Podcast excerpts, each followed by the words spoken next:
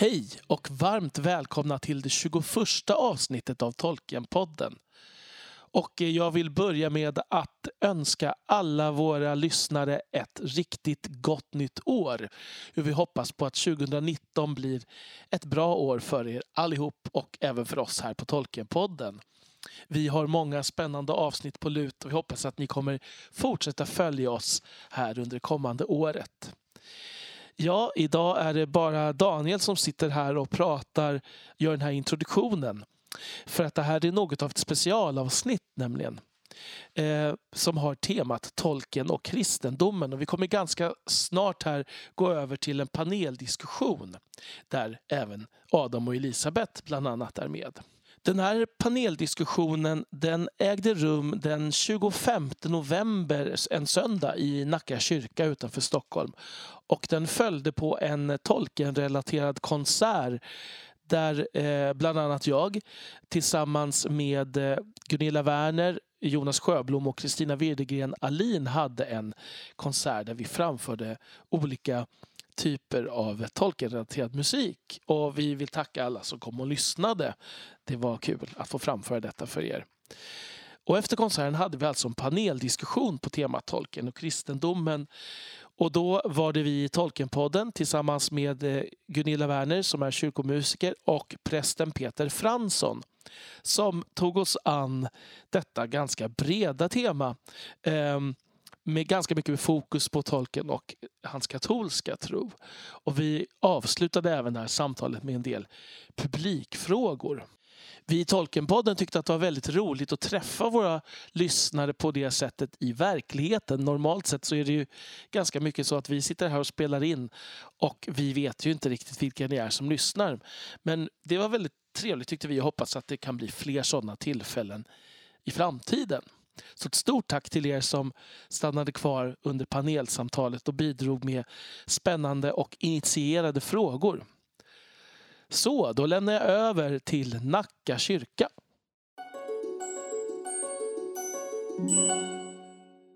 Hej igen och välkomna till den andra delen av den här Tolkienkvällen. Nu kommer det bli ett litet panelsamtal eh, om Tolkien och kristendomen, eh, olika aspekter av det temat. Och panelen idag består som ni ser av fem personer. Vi tre på den här sidan är Tolkienpodden. Eh, jag heter Adam. Elisabeth. Och Daniel.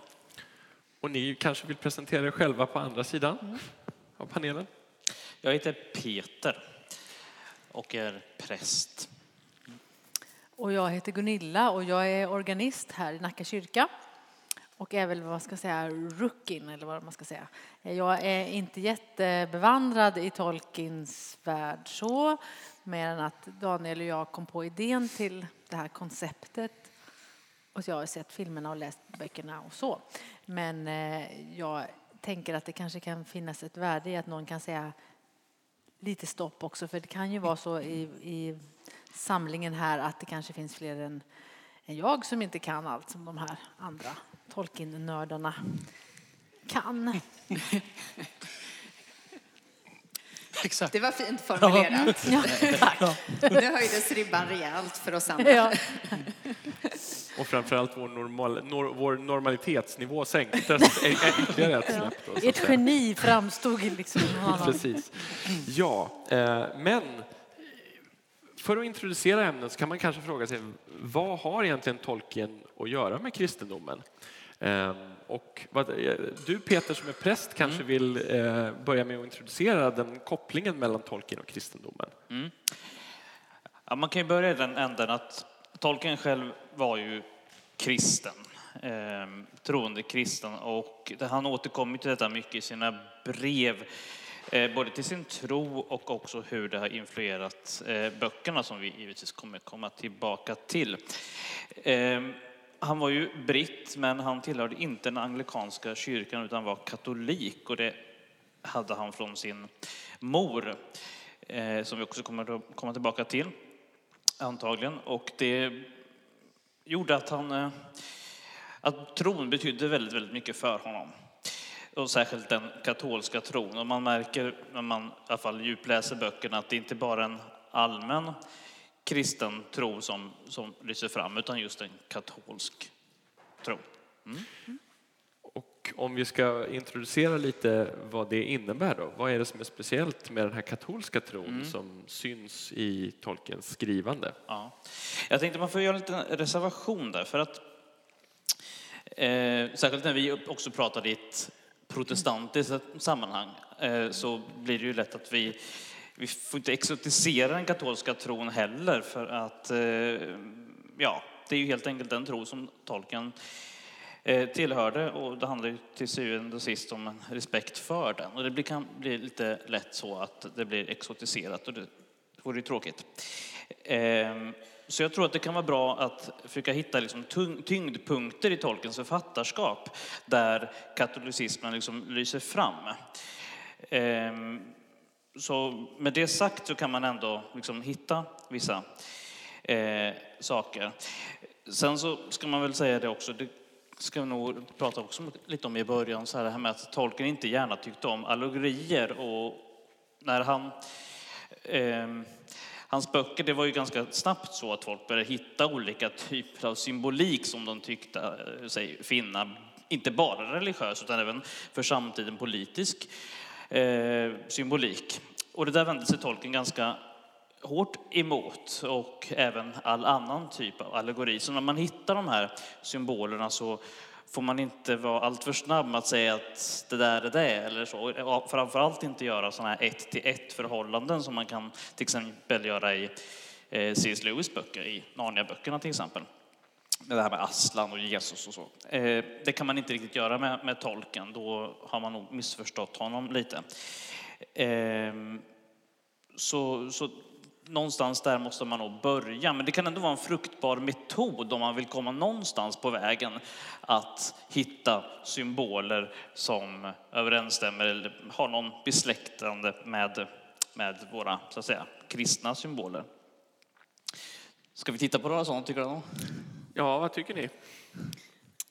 Ja, jag tänker bara att det här med allegori, det, det han säger är ju att eh, Eh, folk blandar ihop allegori med tillämpbarhet. Alltså att om en, en allegori är ju författarens uttryckliga önskan om vad symbolerna ska vara, medan då tillämpbarheten ligger i läsarens ögon eller tankar. Så, och det är väl, så det är väl det var väl det som folk, det misstaget människor gjorde. Ehm, vi har ju de här klassiska exemplen och nu ska vi inte, jag lovar jag ska inte prata illa om Åke Ormarks hela kvällen, jag lovar.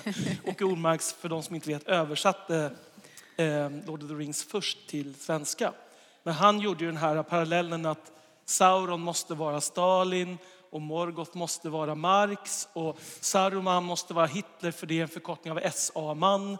Och och, de, och det är ju intressanta tolkningar, men, men, att säga, men han menar att tolken menade att det var så. Och det är väl där problemen uppstår, att man börjar lägga ord i författarens mun. Och det var det tolken vände sig väldigt starkt mot.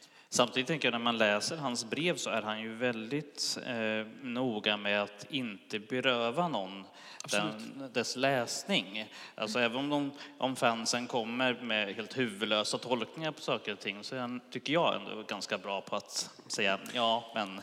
Precis, och det, där ligger ju då att läsaren får ju, jag menar om jag vill läsa att Morgoth och Marx kan jag göra det, men jag kan inte säga att tolken menade att det var så det var. Det är väl det som är den stora skillnaden. Och jag tänker just det här med allegori och eh, tillämpbarhet, att det är bara författaren som kan säga att någonting är en allegori. Mm. Ingen annan kan säga att det här är en allegori, utan det är bara författaren som kan bestämma det. Eh, och det är det tolken menar med författarens dominans eller så över, över läsaren. Mm. Men jag tänker att vi kanske kan backa ett steg först och gå tillbaka till vad är egentligen det kristna i verket i grunden? För att om man tittar på Tolkiens kända böcker, eh, The Hobbit, The Lord of the Rings, i viss mån The Silmarillion, så eh, ser man kanske inte på ytan så mycket kristendom. Eh, de flesta som har läst dem tänker kanske mer på hedniska eh, religioner eller så. Man, man ser inte så mycket kristendom på ytan. Och det här var faktiskt någonting som Tolkien blev ifrågasatt för även i sin samtid. Han fick brev från flera präster som, som visste att han var eh, att han var kristen och ifrågasatte det här. Hur, varför har du skrivit ett hedniskt verk? Och Tolkien försvarade sig med att eh, kristendomen ligger inte på ytan. Det finns ingen kyrka på så sätt, men kristendomen ligger i berättelsens struktur och dramaturgi och, och eh, budskap, skulle man kunna säga. Så att vi kanske ska gräva ner oss lite mer i de bitarna, alltså vad vi kan hitta eh, kristendomen i Tolkiens verk. Det är kanske är en bra ingång. Jag tänker att det här med ont och gott eh, är ju inte givetvis bara inom kristendomen, men det är ju ändå ett typiskt kristet tema också. Mm. Mm. Så ondska. Jag tänkte på det här med, med ont och gott också förstås. Det är ju liksom en, en stor ett stort motiv överhuvudtaget. Men just hur tolken eh, porträtterade onda eh, är lite intressant. Eh, när Frodo ser Saurons öga i Galadriels spegel så står det att han skådade ner i ett schakt eller något liknande, ner i, in, i intet. Eh, och, och där representeras ju onda som eh, en privation heter det, alltså det är frånvaro av det goda, frånvaro av liv, frånvaro av allt egentligen. Eh, utan bara tomhet. Eh, det här är någonting som finns hos, eh, framförallt hos Augustinus. Det är ju därifrån mer eller mindre det kommer och där tolken antagligen eh, inspirerades ifrån. Men det finns också en annan sida eh, där, där det onda representeras som att det faktiskt är något också. Som Ungoliants oljus som faktiskt kan sluka ljus som finns. Och, och de här två sakerna bollar tolken med hela tiden. Det onda som någonting som inte finns egentligen eller någonting som har ett eget varande. Och just den eh, dubbeltydigheten, den, den, är väldigt intressant just i det här perspektivet. Mm. Man kan ju också tänka på eh, det är inte kanske bara specifikt för kristendomen i och för sig, men hela tanken om att någon måste offra någonting eller någon måste göra någonting som den egentligen inte mäktar med. Men, man, men någon måste ta på sig den här bördan för, för det många, så att säga. Och förstöra det onda. För världens räddning. För världens ja. räddning, ja, precis. Mm. Och det, någonstans tänker jag att det är ju flera som gör det fast på olika plan mm. i Lord of the Rings. Det...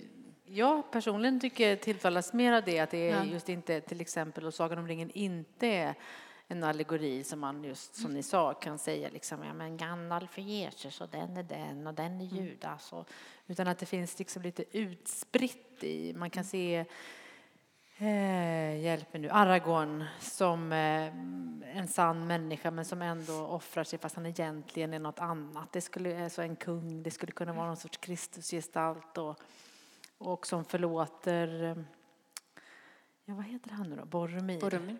Eh, som inte lyckas, som inte kan eh, ehm, hålla det härifrån. Alltså han inte, klarar inte sin uppgift eller hur man ska säga och sen inför sin död så blir han ändå förlåten. Liksom, idag ska du vara med mig i paradiset kan man tänka lite så. Så det finns många sådana här utspridda som brödsmulor? Ja, som ja. brödsmulor. Det är väldigt fint faktiskt. Mm. Jag tänkte, du sa eh, Adam om att eh, det är klart att det finns mycket liksom hedniskt material eller inspiration hos Tolkien. Men det är en sak som, som tränger igenom eh, den kristna världsbilden så är, det ligger det ju faktiskt i etiken. Jag tänker framför allt på, på Gollum och Bilbo, alltså just det, det här med, med misskund och vilka konsekvenser det får. Eh, det griper tag i, i hela, i hela liksom världens väv på något sätt. Eh, bara den lilla eh, yttringen. Att han känner medlidande menar du, eller att han ja. väljer att inte? Ja, nåden liksom. Det, är, ja. det är egentligen det som är att To strike without a need, står det. Och det går ju att koppla till huvudhistorien också mm. med, med Frodo och hans resa tillsammans med Gollum. För att det många glömmer bort eh, är ju faktiskt att eh, Frodo misslyckas med sitt uppdrag. På mm. kanten av Mount Doom så faller han och mm. eh, bestämmer sig för att ta ringen eh, för egen räkning. Och här skulle man ju kunna tolka det som händer som ett uttryck för någon sorts allsmäktig nåd. För det som händer är att Gollum eh, dyker upp igen, Eh, helt oväntat, biter av ringen av hans finger och faller ner i elden. Och det blir ju en sorts belöning till Frodo, för han har också avhållit sig från att döda Gollum, även om Gollum kanske förtjänade det. Så en sorts kristen barmhärtighet får sin belöning när allt står på sin spets, skulle man kunna säga. Och det skulle man kunna tänka sig på som en sorts gudomlig nåd. Där kommer man in på ett tema som är väldigt, väldigt stort hos tolken och, och som knyter an till ett begrepp som heter katastrofbegreppet kan man prata om. Någonting som, som tolken, det går igenom hela hans tanke egentligen. Eh, och katastrof är ett ord som han myntade själv, för han hittade inte något annat ord som han tyckte passade. Och han bildade förstås på, på katastrofä, på katastrof då, på, på grekiska. Men med det här lilla förledet ev som betyder god, så det är egentligen en god vändning. Katastrof betyder vändning egentligen, plötslig vändning till och med. Eh, och han menade att i alla sagorna, i alla fall de som han själv tyckte om, så fanns den här goda vändningen. När Berättelsen har gått mot mörker och undergång, men helt plötsligt så händer det någonting som gör att eh, det slutar i, i seger och ljus istället. Ehm, och eh, det finns olika, man kan se det här hela tiden i Tolkiens författarskap och, och flera gånger, framförallt i, i Lord of the Rings. Ehm, men kändast är väl ändå när, när Frodo och Sam ligger helt utslagna i, i Mordor och örnarna kommer. Det är väl det som man säger är liksom det mest tydliga. Men det finns hela tiden. Jag tror din favoritscen är väl när, när Rohirrim kommer in stormande på Pellen och det. Mm. Vänta, tycker du om den scenen? Har det nämnts någon gång jag vet förut inte. kanske? Ja.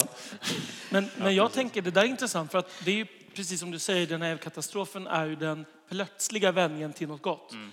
Men det är också, blir ju som en samtidigt en enträgenhet på vägen dit. Att inte dras med i förtvivlan till exempel, som är ju ibland det värsta man kan göra eh, i tolkens värld. Att, att kämpa på mot, mot på något sätt det uppenbara. Alltså, man vet inte vad som ska ske och det är bara det som möjliggör att den här katastrofen kan ske. Ja. Hade man dukat under, vad ska man säga, givit vika för, sina, för sin förtvivlan eller för mörkret så hade, hade det här ögonblicket inte kommit. Och där tänker jag lite, det finns ju ett kristet tema kanske man kan kalla det, eh, som också finns, som går lite hand i hand med det. Men det är ju det egna valet. Att just det här att de väljer gång på gång att göra någonting som eh, är rätt. Sen att det inte håller hela vägen, det är den mänskliga delen i det kanske. Men att, eh, att man ändå har den inställningen att man väljer, man får, man kan välja den sidan, man kan välja den sidan. Ehm, och det känns som en parallell till kristendomen. Ja, ja alltså det här med, med öde och fri vilja är ju en jättestor diskussion hos tolken. Eh, som vi såg bild på Torin Torambar där förut. Det är ju ett av de stora temana i berättelsen om honom, om hans ödes, alltså är hans olyckliga öde är någonting som är grundat på, på ödet, liksom, att det är förutbestämt, eller är det så att han helt enkelt genom dåliga egna val eh, hamnar där han hamnar. Går det lite kort att förklara den här historien jag? Ja. ja ska jag göra det? Ja. Eh, det är en av historierna från Silmarillion, alltså Tolkiens bakgrundshistoria. Det utspelas flera tusen år före The Lord of the Rings och det är en eh, son till en människohövding vars eh, liv faller samman när hans far försvinner på slagfältet och eh, gradvis så utsätts han för en förbannelse som hans pappa får på sig från mörkrets furste, eh, som Saurons överherre kan man säga.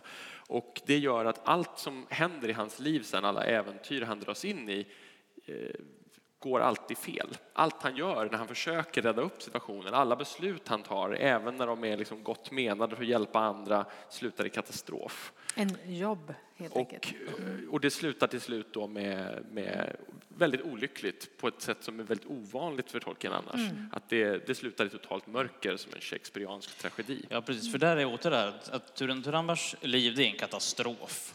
Men eh, och, och det, visst, en berättelse kunde, kunde ha de förtecknen också för tolken, det var inga problem så, men, men den berättelse som man själv liksom tyckte bäst om, den hade just den här katastrofen.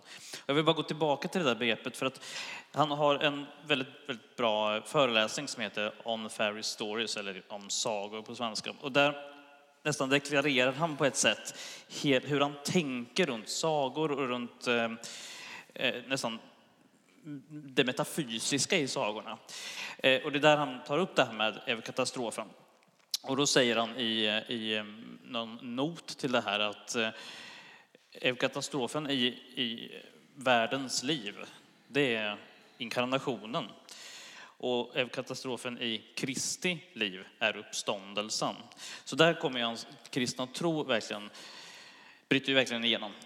Och man kan ju tänka sig att ordet katastrof är medvetet bildat på ordet evangelium egentligen. Det är ju det, är ju det jag tror att han är ute efter. Mm. Precis, men man kan, om vi går tillbaka till det här som vi nämnde med Boromir och Frodo eh, så kan man också diskutera försynen. Det hänger ju nära ihop med ödet, alltså frågan om eh, finns det någon god vilja, en plan bakom alltihopa som för hjältarna eh, i rätt riktning? För i historien vi refererade till förut så var det ju ett ont öde, men i Lord of the Rings så slutar det ju gott. Och då kan man fråga sig, eh, finns det egentligen ett öde eller är det hjältarna själva som, som eh, vad ska man säga, tar historien till sitt avslut?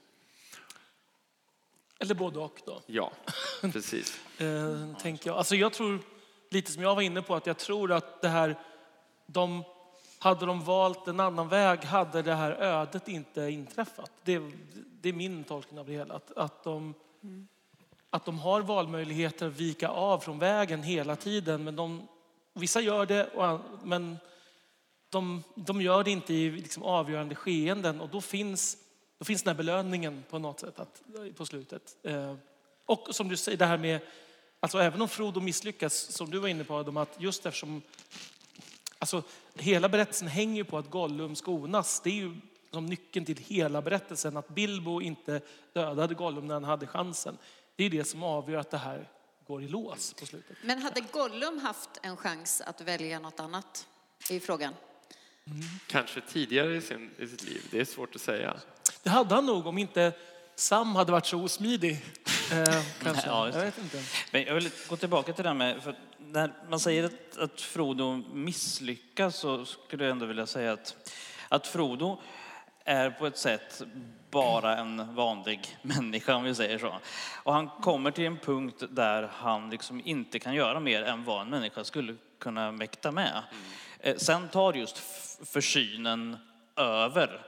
Frodo, jag återkommer till breven igen, men det är så väldigt eh, bra för att se hur tolken själv såg på sin egen berättelse. Och där säger han just det att, att Frodo eh, hade liksom eh, all hans kraft var liksom slut. Man kunde inte egentligen förvänta sig så mycket mer av honom, men, men någonstans verkar det som att försynen tar över där. Ja, för att det var ju, han fick ett brev från en upprörd läsare som tyckte att Frodo skulle avrättas ja. som, förrädare, som förrädare för att han inte genomförde sitt uppdrag. Men, eh, och då anförde det här, oj, tolken det här som försvar kan man väl säga. Att det, man kunde, han kunde inte mer helt enkelt. Och det är ju också ett, kan man säga, ganska kristet tema det här med att det finns frestelser hela tiden. Det du sa förut att man kan vika av från vägen. Eh, och det är ofta makt som är frestelsen. Till exempel Boromir, han lockas, tillhör den grupp som lockas att man ska använda makten mot det onda istället för att säga så här, lita på att det rättfärdiga är det som kommer att leda rätt. För som Gandalf mm. säger, det är a fool's hope. Eh, att Eh, göra det som de har planerat att göra, men det är det som är rätt. Så att säga. Det är det som kommer att eh, rädda en istället för att falla för eh, frestelsen att använda onda medel mot det onda. Så att säga.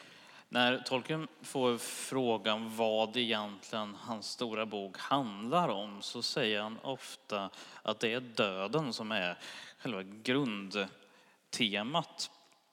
Och det finns ju många tillfällen där man ser att att den stora frestelsen som åtminstone människorna faller ofta för är det här att på något sätt slippa dö. Ända från numeranernas eh, försök till eh, ja, men ringen också. För att jag tror i alla fall att, att det här med makten, det är en grej. Men sen så just det här att inte behöva dö, att det är nog egentligen det, det stora temat eh, för Säger inte ringen. han att typ allting i hela världen egentligen handlar om döden?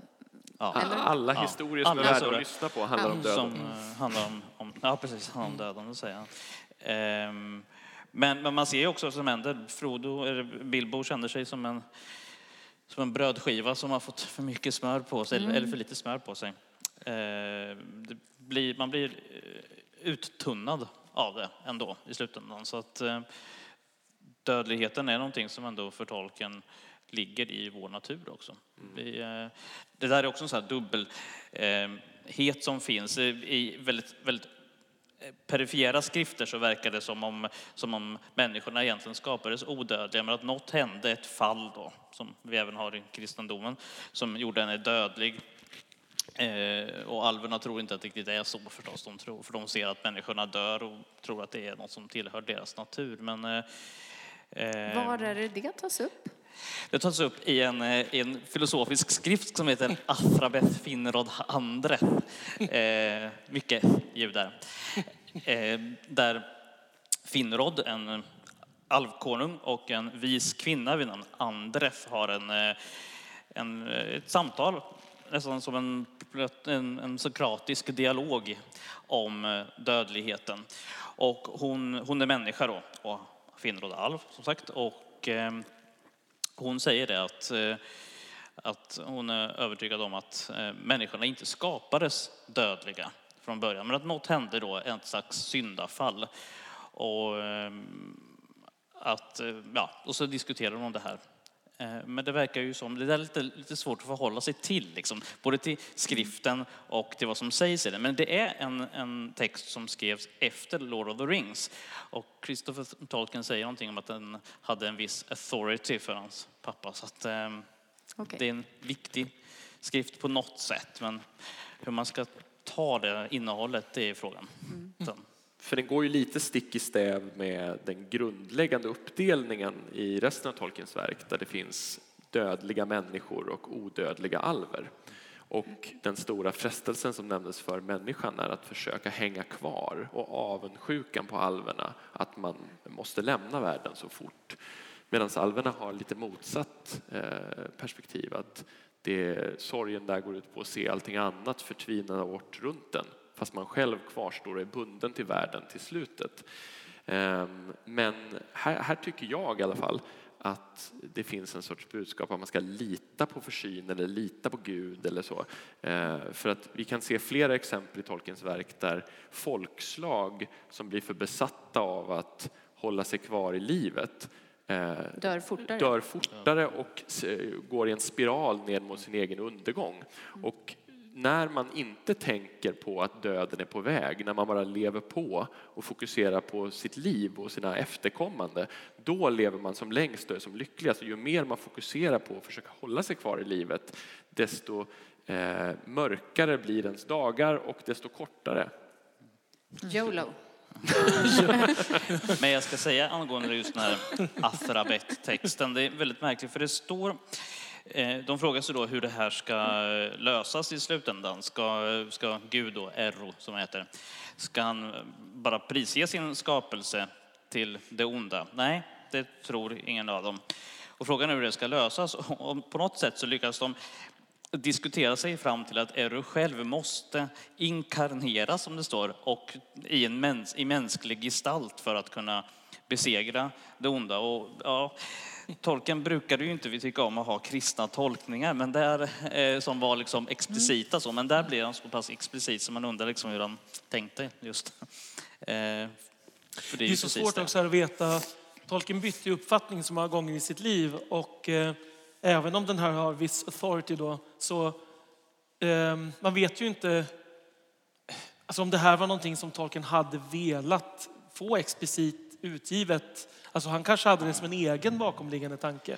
Fast det står i texten att det skulle vara tänkt som en eh, appendix till Silmarillion. Så att, eh, Jo, men det där skiftade ju också Ja. väldigt mycket över tid. ja, jo, jo, absolut. Jag tänker alltid att ju senare han kom på det, ju mindre litar jag på det. För att, Ja, Ja. Därför att det inte kom med i Silmarillion 1977. Eller, eller ju tidigare också. Så att, Ja, ja, jo, kanske. ja. Det vi, kan, vi kan i alla fall säga för dem som kanske inte har så bra koll på de verk eh, som, man, som Tolkien skrev utöver eh, The Hobbit och The Lord of the Rings så kan man säga att det består av en väldig massa olika versioner. Det är en mytvärld som han började skissa på redan under första världskriget Eh, när han var väldigt ung och som han sen fortsatte med hela sitt liv. Och den blev aldrig färdig. När han dog 1973 så satt han fortfarande och uppdaterade de här berättelserna som han har jobbat på sedan 1910-talet. 1916 är väl första så här, riktiga versionerna. Men sen, det finns eh, någon dikt från 1930 1913 redan. Så det är, en, det, är ett otroligt långt eh, revisionsarbete kan man säga. Så det Daniel syftar på är väl lite också att eh, det är väldigt svårt att veta vad som var tänkt som en slutgiltig version eftersom det ofta ändrar sig både en och tre och sju gånger. Jag brukar då välja att se det som att det är det som gör det, ger det ett, ett, ett vad ska man säga, nästan, det känns som en riktig mytologi från vår värld som har alla dessa olika versioner, precis som en riktig mytologi har. Jag tycker det är djupet, det är ju det som gör det fascinerande. Fanns det bara en färdig Silmarillion, eh, alltså det är ju det här livsarbetet som är så fascinerande tycker jag. Mm. Mm. Jag tänkte på, nu, nu, har vi pratat om hur komplicerat det egentligen är att hitta. Det är ändå uppenbart kristna hos tolken, men jag tog fram någon så här, vi pratade just om, om katolska, ska vi säga, tyngdpunkter istället. Då. Ehm, eh, för det är ändå lätt att kunna prata om och ta upp något så här konkret. Det, första konkreta jag tänkte på det är ju förstås det här med lembas. Eh, om vi ska ja. prova att prata lite om lembas. Lembas är alltså det här alviska vägbrödet som eh, Frodo och Sam äter på vägen mot Mordor som är nästan övernaturligt i hur mycket näring det ger och hur länge det räcker. Och det påminner väl lite om oblater skulle man kunna säga. Ja. Man skulle kunna hoppa lite längre bak och tänka på Israels folks vandring i Egypten. De fick manna från himlen. Mm som de också kunde hålla sig vid liv på ganska många år i öknen men det blev inte särskilt gott sen efter ett tag. Det finns ju någon scen när jag har snabbt tittat om filmerna också när de sitter där, hmm, ska vi mumsa på lite lembasbröd? Mm. Så är det de här matglada hobbitarna inte så förtjusta. Så att det kommer både som manna men, men naturligtvis också som eh, Ja, precis. Nattvardens bröd, eller eh, brödet som delas. Mm. Ordet lembas betyder vägbröd. Och eh, på sätt och vis så är ju det en översättning av latinets viaticum, ett ord som kanske inte används lika mycket idag som det gjorde när, på tolkens tid, men det är ett ord för eh, nattvarden, framförallt i eh, bemärkelsen när man tar den inför döden. Och det är ju någonting som är väldigt tydligt katolskt, att man ska ha en reskost kan man säga inför döden. Den som man ska resa vidare med är förstås Kristus. Och nattvarden i sig var väldigt, väldigt betydelsefull för tolken. Han skriver ett brev till sin son Michael att det är det på jorden enda älskvärda. Eh, och eh, vi pratade om en vilja också förut.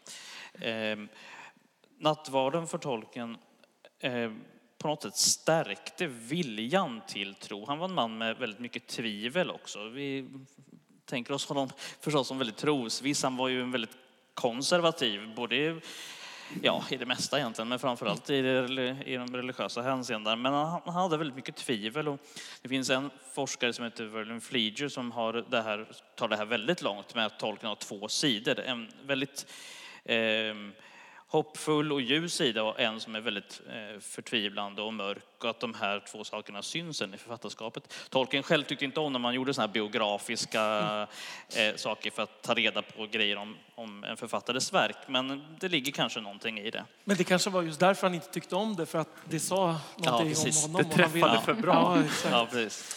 Eh, men det jag tänkte säga då att, att för honom så var tro väldigt mycket en viljehandling. Vi talar ofta om tro som någonting som på något sätt eh, ja, men bara finns där liksom, i olika former. Men för tolken så var det mycket att man måste vilja tro.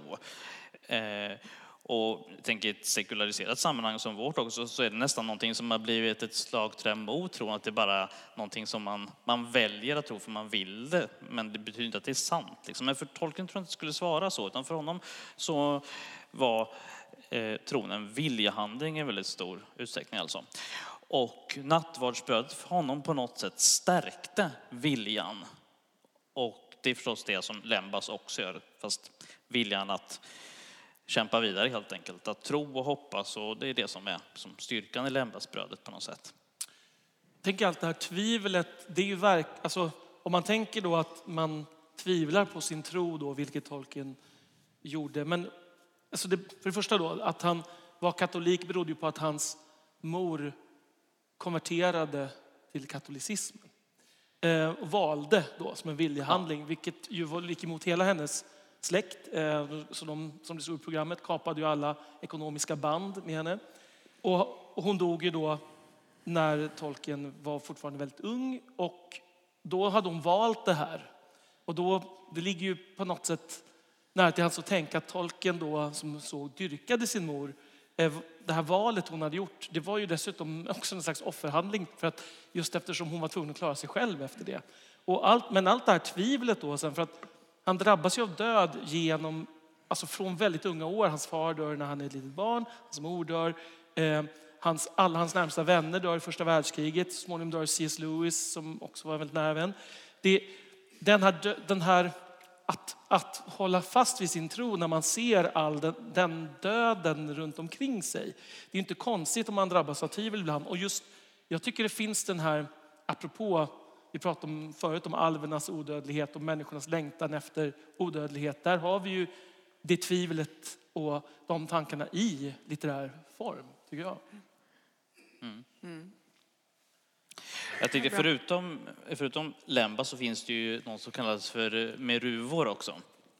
Eh, och det är en slags dryck som alverna framställer av honung eh, som stärker framförallt eh, kroppen.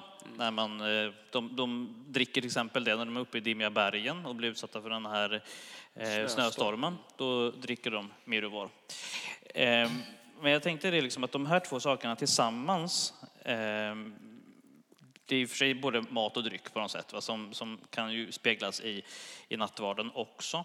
Men framför allt den här eh, eh Eh, föreningen mellan att lämbasbödet stärker det andliga medan Meduvor stärker det fysiska. Den föreningen på något sätt gör eh, att det framkristalliseras en ganska så katolsk nattvardssyn. Eh, det säger liksom att våra ja, att vi människor är, både fysiska och andliga varelser förstås Eh, och är skapade till Guds avbild faktiskt i de här tre, eh, både, både som andlig, själslig och fysisk varelse. Eh, men då får man ju se Lembas och Mirovor tillsammans på något sätt, liksom för att en människosyn faktiskt som, som framvisar sig. Mm tycker det är intressant att man kan se de här brödsmulorna, alltså de kan vara mer eller mindre tydliga. Det här med, nu får ni rätta mig med datum och sådär, men det här parallellen då att de, han lägger in att eh, brödraskapet lämnar Riftedal vid jul och ringen förstörs vid Marie bebådelsedag. Stämmer detta? Ja. ja, det gör det. Och det är en väldigt, det är en väldigt ytlig grej han, han kastar in kan man ju säga då. Eh, samtidigt som det här inte nämns, de här datumen nämns ju inte om man inte bläddrar längst bak och kollar eh, I appendix. I appendix, precis. Men ändå är ju det, så han lägger sig på olika nivåer ju. Eh, där vissa saker blir väldigt, det här är väldigt tydligt. Alltså, ja. eh, det, kan, det blir nästan lite fånigt att säga att det inte finns någon allegorisk tanke överhuvudtaget då, för att då skulle det inte vara så. Men och så finns det ju annat som du är inne på här som är mycket djupare ner. Så mm. att det finns det är som olika lager man kan gräva sig ner igenom med olika tydlighet, tycker jag. Ja, Något som jag tänker är tydligt om vi knallar vidare så är det ju eh, Numenors fall. Mm. Du kan förklara vad Numenors ja. fall är kanske? eh, ja, det brukar jag aldrig göra. Menar du att jag ska förklara eller? Nej, kör Adam, du brukar vara bra på det där. Numenor är en sorts tolkienskt Atlantis, ett, en ö som har givits till de människor som har förhållit sig trogna till den goda saken kan man säga i den första åldern. Det är ett sorts förlovat land, allting är underbart och fantastiskt, men eh, långsamt så börjar landet bli värre, sämre och sämre just för att de blir avundsjuka, avundsjuka på den alviska odödligheten kan man säga. Och Och då tänkte jag bara lägga in, eh, och det är väl de som hade möjlighet att komma dit, det var framförallt eh, de släkterna som hade hjälpt de hade stridit mot mörkret i första åldern. Ja. med ja, alverna, Precis. eller var halvalver. Ja, för det är ju försvinnande liten Försvinnande grupp. liten del, Ja. men ändå. Ehm, Eh, Precis, men det slutar ju i alla fall i... Det, Ja, det slutar i att de eh, tycker att de är värda att få ta sig hela vägen över till Amman. Gudarnas rike. Odödlighetens land. Precis. Eh, och de eh, accepterar inte att de lever kortare och kortare livstider och de vill få tag på den här odödligheten. Och till slut så säger då den enda guden, Eru, stopp och belägg. Och det kommer en våg och sveper ner alltihopa ner i havets djup. Syndafloden ligger ju inte allt för långt bort. Nej, en kombination av Atlantis och... Ja. Just det. Alltså, och ännu mer så, alltså, Tolkiens värld är ju en platt värld, eh, precis som det brukar vara i, i många myter och så. Och det som händer är egentligen att världen bryts sönder, bara rakt av, eh, och omformas så att den blir rund istället.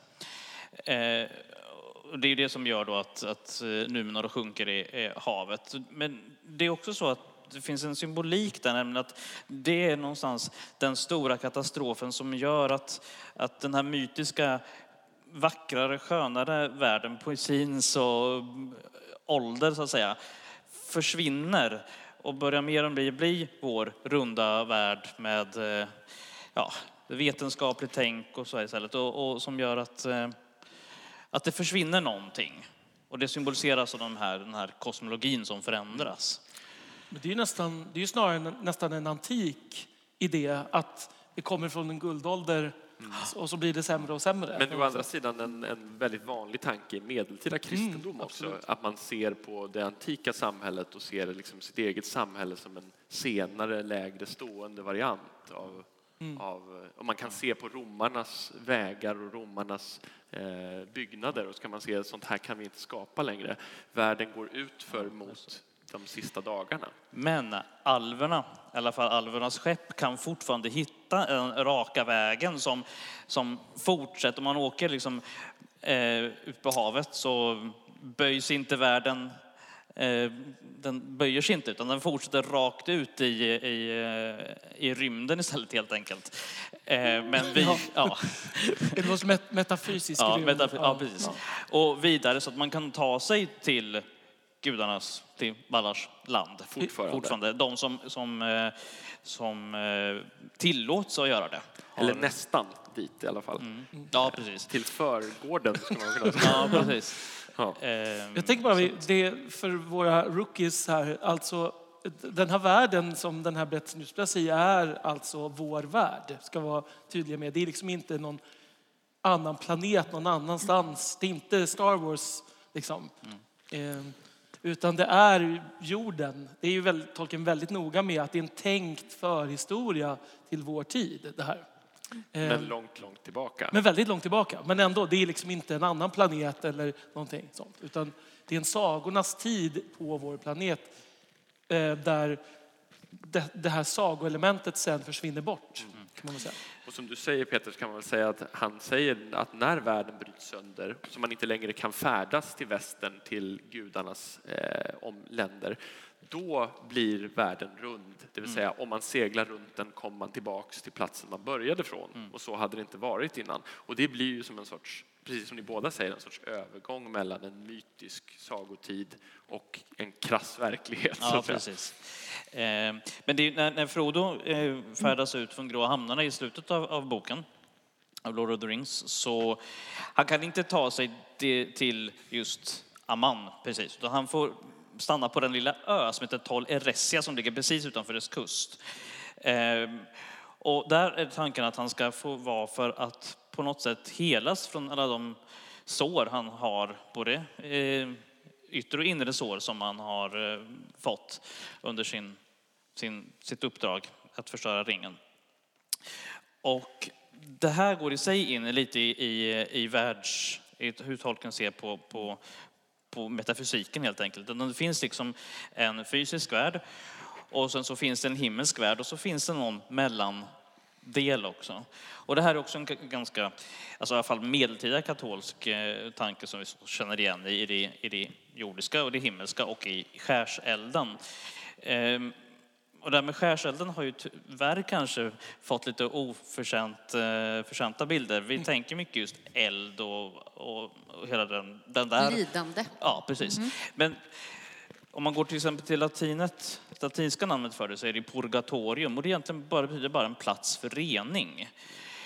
Eh, inför den här stora visionen av Gud som ingen liksom kan ta emot, som inte har renats först på något sätt. Vi människor är alldeles för, för bräckliga, men vi behöver på något sätt eh, renas, det är en metafor förstås, för att kunna se Gud i helt ohöljd. Eh, och, och, hos tolken så finns det här då, den här reningsplatsen på något sätt. För Frodo kommer dö sen och, och precis som alla andra. Eh, men han behöver på något sätt renas också från det som, som skaver på något sätt. Eh, och det gör ju återigen att, att vi som protestanter på något sätt delar lätt upp världen i, den är dikotom liksom, den är tvådelad. Det finns en, ett jord och en himmel, men en katolsk synsätt eh, ser världen mer som en tredelad eh, ja, uppdelning just med, med det här mellanläget också. Eh, och det där går tillbaka till Dante med, med helvetet, skärselden och himlen, paradiset också. Eh, så det är väl en sån sak som man skulle kunna säga är katolsk då, om man ska använda det begreppet. Någonting som jag tänker på som katolskt, det är ju det här att under berättelsen Lord of the Rings så är det väldigt många som anropar Elbereth, som är kan man säga gudarnas drottning. Och de här gudarna man pratar om är alltså ett underskikt, en sorts änglanivå under den riktiga guden. Och det här får ju åtminstone mig att associera till jungfru Maria. Och det är att, att det är här också att man vänder sig till, att det överhuvudtaget finns ett sånt här skikt av väsen mittemellan mm. som man vänder sig till för man kan inte nå direkt till Gud och ha den mm. personliga relationen. Det känns du för mig som... pratar via helgonet. Precis. Ja. Ja, just det. Jag tänker på Galadriel som vi såg på en bild här förut. Hon är också en sån här tydlig Maria-gestalt på något sätt, även om tolken när folk just poängterar det, så säger han att ja, men Galadriel har en viss bakgrund som gör att hon inte riktigt kan, kan vara en Maria, men det finns där hela tiden ändå. Det, det, det måste man nog säga. Det skulle nog tolken tillstå också. Eh, hennes namn betyder ju Lady of Light också, sant? och det är ju ljuset som på något sätt är både Marias och, eh, och Galadriels främsta kännetecken. Ehm, men i, i den här Afrabet igen, så när det pratas om hur, hur människorna ska dö, om de, nu, de, alltså de inte dog, utan de blev upptagna till ja, himlen, står det mer eller mindre. Och så i en fotnot så står det att det, men det har bara hänt en enda person och sen så står det inom parentes att det är jungfrun Maria. Mm. Så ibland så är det väldigt explicit. Mm. Ja, um, snart så måste vi börja knyta ihop diskussionen. Men jag mm. tänker att vi kanske skulle kunna gå igenom några av de här um, lite tydligare så symboliska likheterna som vi inte riktigt har rört vid. Vi har rört vid Nomenor till exempel, den här undergången uh, av det här, det här mm. ökungadömet. Men det finns ju ett antal andra um, tydliga likheter i Tolkiens äldre verk, Silmarillion. Eh, något som vi har rört vid ett par gånger är ju att det finns en gud och början av Silmarillion är en sorts skapelseberättelse där Gud är ensam och sen så skapar han eh, varelser runt sig och i sin tur så hjälper de honom att skapa världen genom körsång, som jag alltid brukar säga, för att jag tycker det är så vackert. Precis. En vacker liknelse. Eh, och den här körsången Aino Lindale skapar alltså en sorts mall för världen, skulle man kunna säga. Sen måste världens historia växa fram eh, naturligt. Men det finns alltså redan en sorts öde, en sorts gudsplan. Och i samband med Aino Lindale, med den här musiken, så får vi också en Lucifer, en Satan, där en av hans eh, tjänare, eh, den mäktige Melkor, lämnar ljuset och söker sig mot mörkret. Och han blir senare, kan man säga, Saurons eh, läromästare och den riktiga mörkrets furste. Sauron är bara hans närmste man som tar över efter att han besegras i slutet av Silmarillion. Så det där är ju väldigt tydliga paralleller skulle man kunna säga åtminstone. Ehm, Jag tänker med en sak med just Aino Lindell, alltså musikens stora betydelse i, hos, hos tolken överhuvudtaget. Det är visst att världen skapas genom musik, men även ner på liksom mikronivå med, med hobbitarnas lite, som lite fåniga sånger och sådär, är ändå en, eh, en, en utkristallisering av det här att musiken har en sån stor vikt. Jag tänkte just det här med att å ena sidan så har man tolken som var som sagt en ganska så konservativt katolsk troende. Men samtidigt så finns det liksom en annan sida, återigen, va, eh, hos honom som man nästan får säga eh, angränsar till det vi kallar för mysticism helt enkelt. Eh, det där är ju ännu svårare att ta på. Vad exakt är det för någonting? Men jag tänker just det här med musikens roll, det, det upplevelsebaserande.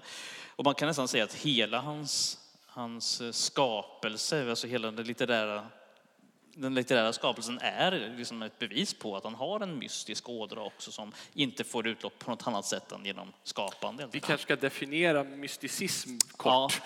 Det är ju i sig en, en timme, en Ja. tio timmars Ja, diskussion. men, Sju men, sekunder. Nej. Ja. Precis. Nej, men man kan säga, det, där är, det är svårt att, att sätta fingret på, men man kan säga att mysticismen på något sätt är en mera eh, upplevelsebaserad eh, upplevelse av, av tron som kanske inte riktigt kan formuleras i den här liksom, monolitiska boken på samma sätt.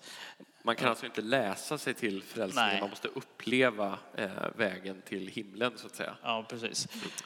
Eh, Tolken som subkreator när- rörde vi lite här. Så att vi har en skapare, men så har vi, det låter väldigt förmätet, tolken som underskapare till Alltså han såg inte bara på sig själv som underskapare såklart. Men, men han menade att han ägnade sig åt att vara subkreation. Alltså att skapa någonting under den stora skapelsen. Och anledningen till att han säger just subcreator det är just att han tänker sig att människan är skapad av Gud och därför så eh, skapar hon i sin tur via konsten. Det behöver inte vara bara litteratur, men det kan vara musik, det kan vara ja, konst med stort K helt enkelt. Eh, och det är en utav eh, yttringarna, något, ett uppdrag som vi människor har egentligen från, från Gud som varande skapade av honom. Och det är väl kanske en ganska bra ställe att sätta punkt på, tänker jag, eftersom det knyter an till det vi såg tidigare idag här. Det här med Daniel och Gunilla som subkreator, Ja, subkreatorer så att säga. Ehm, för vi tänkte ju att vi ska ha en liten frågestund här på slutet. Eller kommentarer. Kommentar vad Ja. man nu vill, om man vill säga någonting. Och sen så kan vi stå här och försöka svara om vi, om vi klarar det. Gå i svaromål Ehm, kanske. Så vi har en mick här, Vi så om man räcker den, upp handen eh, så kan man bra. få fråga något eller säga något eller vad man nu är sugen på. Får gärna säga vem man är och lite där tänker jag. Och Absolut. Personer, nej.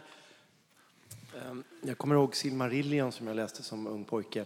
Och då undrar jag alltid vad Melkor, vad han började sjunga i disharmoni med de andra, Ainur, vad han sjöng för något. Var det hårdrock? Alltså jag, jag tror, i min värld låter Aino Lindale som eh, Palestrina, alltså renässans. Den här fulländade kontrapunktiska, med många musiktermer här, kontrapunktiska väven av toner där varje stämma är en egen melodi men tillsammans blir de en helhet som klingar vackert och där varje stämma också klingar vackert i sig. Eh, och jag tror att i kontrapunkt, eh, Palestina-kontrapunkt så finns det som regler man inte får, får bryta. Och jag tror att det var det Melkor gjorde. Han sjöng tritonus intervall och sådana saker. Som där. Helt Aj, aj, enkelt. aj, det är vad jag tror. Absolut, det låter Ja, övertygande. det. Ja. Ja. Hej, jag heter Charlotte Herrsfeld. Eh, och jag skulle vilja säga att ehm, en kommentar snarare än en fråga. Eh, dels tänkte jag på Boromir där. Det är ju en klassisk eh, eh, att han går och biktar sig. Alltså han be- bekänner sin synd, han ångrar sin synd. Han berättar att han har gjort vad han har kunnat för att gottgöra den, alltså ha ihjäl så många orker som möjligt. Och han blir förlåten. Det är också en typiskt katolskt inslag i det hela. Eh, absolut, alltså, jag, jag kan eh, också hålla med om den tolkningen. Sen blir det ju ett väldigt, eh, vad ska man säga, det blir ju inte riktigt den tidiga kristendomen när vad man har kunnat det är att ha ihjäl så många fiender som möjligt. Det får man tänka att det är efter att Augustinus och ett gäng andra har vänt på synen på våldet i så fall. Så det kanske är en sorts medeltida katolicism. Om, Men han gör det, jag att, men han gör med det för att rädda Ja, Mary det är och Pippin sant. samtidigt. Men man kan säga alltså bikten för tolken var väldigt, väldigt viktig. Han var, var antagligen därför att just nattvarden var så viktig för honom. Men Han, han tillät sig inte att gå fram till nattvarden helt enkelt om han inte hade biktat sig. Han var väldigt hård också mot sina familjemedlemmar att de skulle gå till bikten i alla fall en gång i veckan innan de gick fram till nattvarden. Så att eh, som en del i nattvarden så tror jag definitivt att eh, ja, det spelar in. Det tror jag. Jag hade bara en kommentar. Alltså jag är alv i förrådrymmet som Stockholms Folkhälsosällskap, Låsilven. Vad jag tycker är så häftigt, jag vet inte riktigt vem som har skrivit det och var, men det fanns någon idé om att han ville skapa någon slags utgångspunkt där andra kunde fortsätta brodera, fortsätta utveckla världen, fortsätta musik och så vidare. Jag tycker den här kvällen är ett strålande exempel på det här, att man verkligen bygger vidare på det. Kul. Tack. Ja, man, han var ju väldigt kluven i det där. För det, han skrev ju samtidigt, han skrev precis det du säger att jag har skapat en värld som andra får fortsätta skapa i. Samtidigt som han tydligen sägs det då, han såg någon barndramatisering av The Hobbit där han satt och var arg när de hade ändrat i hans material. Så, att, så, han, så frågan är vad han hade tyckt om den här kvällen, vi, vi vet inte riktigt. Sen så, så att i den, det är också en brevtext, men i den så, så nämner han inte litteratur. Just det. Och det skulle betyda att det alltså sån här eh, fan, eh, det, Fanfiction. det, Fanfiction är inte det hade han inte gillat. Men jag tycker att vi kan fortsätta utforska hans värld. Faktiskt. Det här med kristendom och hedendom, eller he, ja, Tolkiens verk som hedniskt eller kristet. Eh, Det finns en ganska ny bok av en eh, italienare som heter Claudio Testi. Och jag, kan inte riktigt åter, jag, har, jag har boken, jag har inte läst den ordentligt. eh, Men hans poäng är väl att det, ja, det är, Tolkiens verk är hedniskt och det är kristet. Han, får ihop, han lyckas få ihop det. Eh, Kommentarer på det? Ja, Jag tror att det är också en sån här sak som, eh, som har en klangbotten i just det katolska sättet att se på, ja, men på, på världen och de hedniska religionerna. Vi, det är klart vi kanske eh, inte associerar katolicismen så här mycket med- med hedendomen på så sätt. Eh, men, men det finns ju många drag i den, med helgondyrkan, eller på att säga.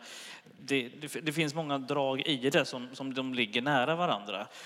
Eh, och så får man tänka på liksom när, när, när Europa blev kristet så var det ju inte så att, att, de, att det fanns romarna och så kom några kristna som, som, som tog över allting. Utan det var ju romarna själva som blev kristna. Och de hade ju också sin ryggsäck så att säga med, eh, med historia och allting. Så att det tror jag flöt samman mycket mera i den tidiga kristna kyrkan som ju den katolska kyrkan sen kommer av. Ja, vi går ju in i, jag menar, jag tänker här i Sverige, Lucia-traditionen och allting. Alltså det är ju så mycket olika hedniska och kristna sammanhang som blandas. Men jag tänker också Ja. att, eh, jag tror att för tolken var det här ett problem som för många andra kristna. Att hur förhåller man sig till att före Kristus måste det ha funnits väldigt mycket människor som var goda människor men som var hedningar. Alltså det, är, det är ett klassiskt problem. Hur förhåller man sig till det? Och jag tror att det kanske är det han lite grann är och pillar i, i, i boken. tror jag. Dante förhåller sig till det genom att sätta dem i limbo, den här liksom helvetets förgård som inte riktigt innehåller några plågor, men de får ju inte Nej. komma högre än så. Jag tror att tolken var mer, eh, alltså i sin, i sin roll som filolog, alltså det här språkhistoriska och, och utforskandet av gamla berättelser så såg han så mycket som han beundrade i det förkristna som han försökte synka med sin kristna tro på något sätt. Tänker jag.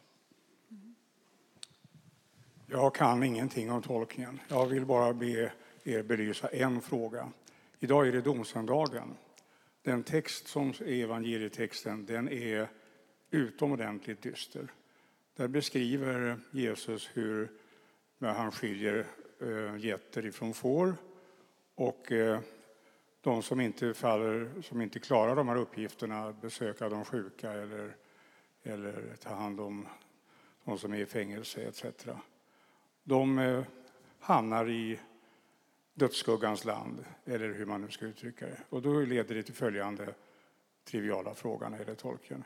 Finns det någonting någonstans i hans eh, beskrivning av den verklighet han pratar om, någonting om straff, om Guds straff eller Gudens straff, eller tillvarons straff, som vi ådrar oss själva då? Jag tänker först Nomenors fall som vi pratade om, den här ön där Gud själv griper in och låter ön drabbas av en syndaflod för att människorna har suktat efter odödlighet. Där får man väl säga att Gud är inne och straffar väldigt konkret och direkt. Ja, men jag skulle ändå säga att just det här hinsides straffet, det finns inte. Alltså det finns ju möjligtvis det här skärseldstanken, att vi kanske behöver finnas någonstans, det finns ett mellanläge. Men eh, det är även så i skärseldstanken att är man där så är man hundraprocentigt på väg till himlen. Det är bara att det tar lite längre tid. Eh, och vi, hör, vi hörde när du sjöng så vackert om Mandos förut. Mandos är ju lite av en sådan plats där, eh, där själarna måste uppehållas. Men, men människornas öde, i alla fall i den mer kanoniska tolken, skrifterna, det är ju att, att färdas bortom eh, världens cirklar så att säga. Men det är ju, å andra sidan så berättar inte tolken vad som händer där. Nej. Alltså, vi vet att människorna passerar ut ur eh, det här, den här väntans salar, men han vill inte säga vad som väntar dem. Om det väntar samma sak för alla är ju inte heller något Nej, som tas det, upp överhuvudtaget. Det vet vi inte. Nej. Och det tänker jag är ett sätt för tolken också att hålla, liksom, hålla ryggen fri. Eh, Slippa bli hädisk också. Ja, precis. Men jag kan inte påminna mig att det finns något ställe just där, där några hinsides straff skulle finnas alls. Det, nej. I, i tid, apropå det här med hedendom, i tidiga eh, tolkienska texter så finns det en sorts slutstrid. Men jag skulle hävda, eh, alltså i slutet av... Alltså Ragnarök. Ja, det, den är Ja. mer som Ragnarök än som liksom den kristna tidens slut skulle jag vilja hävda. För det är mer som att alla delas upp i ont, ont och gott, eh, ljus och mörker och det blir en s- sista uppgörelse där, där också eh, ondskan som har kommit tillbaka in i världen dräps, eh, jorden föds om och eh, gudarna blir unga igen. Och det, det här känns som en, det, det ligger ganska nära till exempel Völuspa, eh, nordisk hedendom. Och Får bara tillägga, alltså det finns, eh, han räknas inte bland kyrkofäderna, men det finns en tidig kristen tänkare som heter Origenes. Och Origenes eh, tänker sig att eh, ska uppstå någonting som heter apokatastasis ton panton, att hela världen ska rullas tillbaka och bli liksom det det var tanken att det var från början. Allting ska upprättas eh, och det goda ska segra. Det finns inte den här dubbla utgången som vi pratade om då, i himmel och helvete. Eh, och där ligger nog tolken ganska nära. Eh, för han pratar också om det här med Arda Mard och Arda Anmard och An- Arda... Och Arda är alltså världen, sådär kunna igen. Eh, precis. Eh, så, så det är väl snarare jordens framtid hos tolken så att säga. Ja, men också den här slutstriden som du nämnde, vi poängterade att den, den finns ju inte kvar på riktigt samma, på det Nej. sättet sen i senare texter. Precis. Den är, Eh. det är inte säkert att om han tänkte sig den eller inte. Nej, för att jag tror att det här var ju också kanske, alltså hur, hur han började tänka att den här, vår värld, vår tid relateras till den legend, de legender han skapade. Det kanske är svårt alltså, att få ihop en slutstrid när vi fortfarande befinner oss i samma värld. På något Jag tror att vi har en kommentar här faktiskt. Ja, Jag tänkte börja med att tacka för väldigt vackert musikaliskt framförande och eh, också mycket intressant diskussion. Och jag tänker att ett område som ni inte har berört eh, så mycket, det är att jag har ett intryck att det förekommer en utveckling hos de personer som förekommer i eh, berättelserna eh, och att det kan spegla lite grann en mänsklig erfarenhet. Att om man hanterar frestelser så genomgår man ett antal faser beroende på hur man gör det. Och I övrigt så tänkte jag att säga att Eh, just det som ni tar upp som katolskt, jag uppfattar det som ganska mycket allmänkristet. Det finns några specifika saker som viatikum och så som inte är spridda så mycket på annat håll, kanske hos ortodoxa eller så. Men eh, det finns, eh, eh jag uppfattar att ganska mycket är en allmän kristen erfarenhet som de flesta kristna i någon mening delar. Mm. Eh, ska jag göra det här så kort svar jag bara kan. Ehm, man kan säga att det finns i Bibeln en viss eh, alltså etisk utveckling från det att eh, när, när till exempel eh, Kain blir förvisad till landet Nod så, så eh, lovar ju Gud att beskydda honom och om någon slår ihjäl Kain så ska sju män eh, bli ihjälslagna i sin tur då för Kain. Eh, sen så Kains sonson, son Lemek säger att Kain blir, eh, blir hämnad sju gånger men Lemek blir hämnad 77 gånger. Eh, och sen kommer man fram till eh, eh, när Jesus egentligen säger att ni ska vända andra kinden till och till slut att, att ni ska be för dem som förföljer er.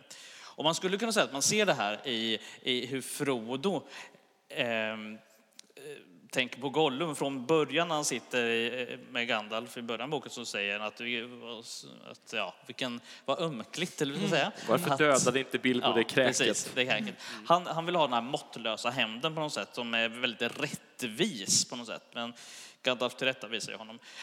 Och när man följer då hela Frodos båge fram till när han själv nästan står i det samma läge, då visar han ändå barmhärtighet och misskund mot, mot Gollum. Och det, de här två sakerna ligger nästan lite parallellt. Men jag tror också att det inte, om man tar det bibliska framförallt, så är det ju det här också någonting som eh, jag är övertygad om, vi människor går igenom. Alltså, det där är en båge som, som sker också inuti oss från en ganska barnslig hämnd eh, känslor till, till att kanske till och med kunna förlåta och be för dem som förföljer oss helt enkelt. Frodo som fridsfurste där i slutet på något ja. sätt. Det är, mm.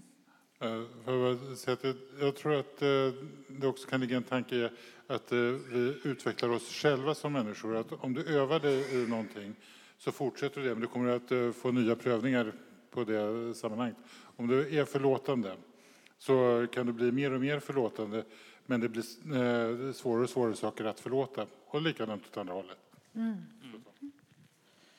Har vi en fråga till här? Tack.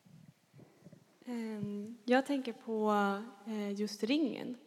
Att om det har någon... Att det är just en ring, för jag tänker på äktenskapet, att man, eh, att man antar en commitment. Att, eh, för jag vet att Tolkien skrev ju The Hobbit först och att han ville ha någonting och då valde han att skriva att ringen måste vara kopplingen i mm. mm. The Lord of the Rings. Mm. Men kan ringen också ha något, något mer?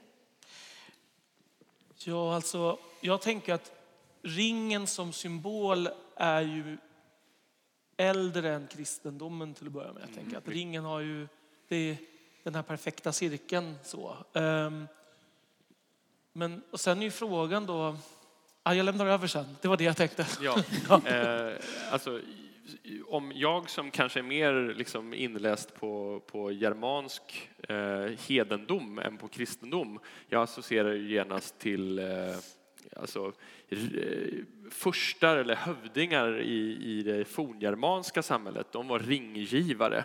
Alltså ringen är en sorts statussymbol, en maktsymbol. Och eh, krigare eh, satte stora guldringar runt sina armar för att symbolisera sina segrar och sin framgång. Och även i Tolkiens tid så var det väldigt många som associerade till Wagners Nibelungenring, eh, vilket ju också ligger i den här eh, hedniska traditionen, så att säga, knyter an till det. Så jag tror definitivt att det finns åtminstone en aspekt som kommer från det hållet. Sen så var ju Tolkien själv väldigt arg på den jämförelsen och sa att det enda som är likt mellan Nibelungenring och min ring är att båda är runda.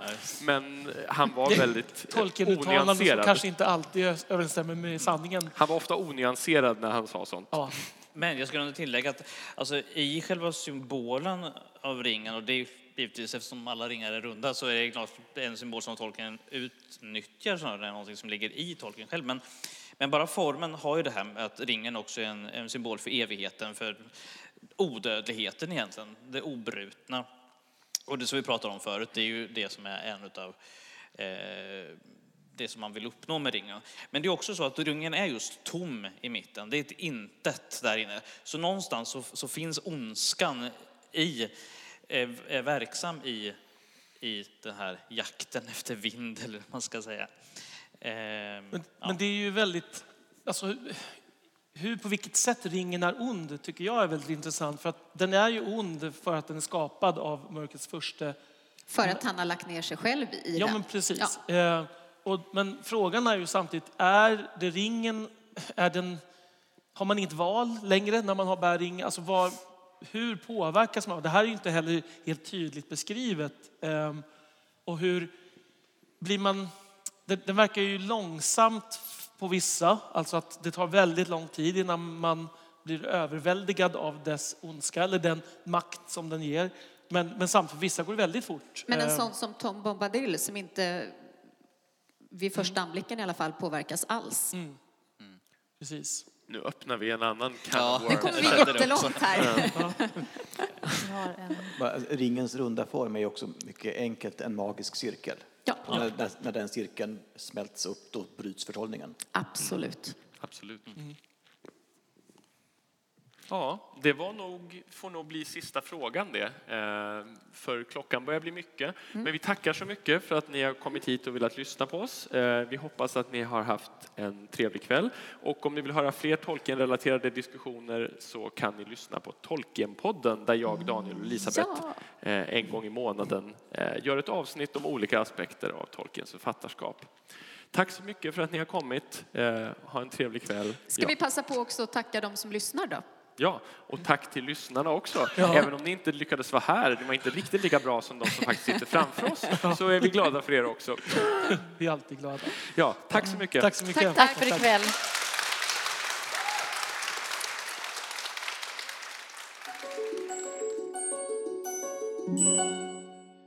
Och då har det blivit dags att säga tack och hej för den här gången. Och ett särskilt stort tack till Peter Fransson och Gunilla Werner som utökade vår lilla trio till en kvintett under det här samtalet.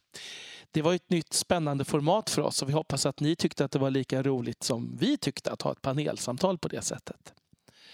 Nästa månad blir det mer ett normalt Tolkienpodden-avsnitt.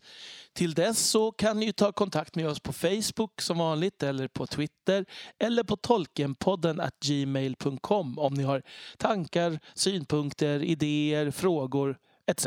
Vad ni nu vill säga till oss. Tack för den här gången och på återhörande. Hej då!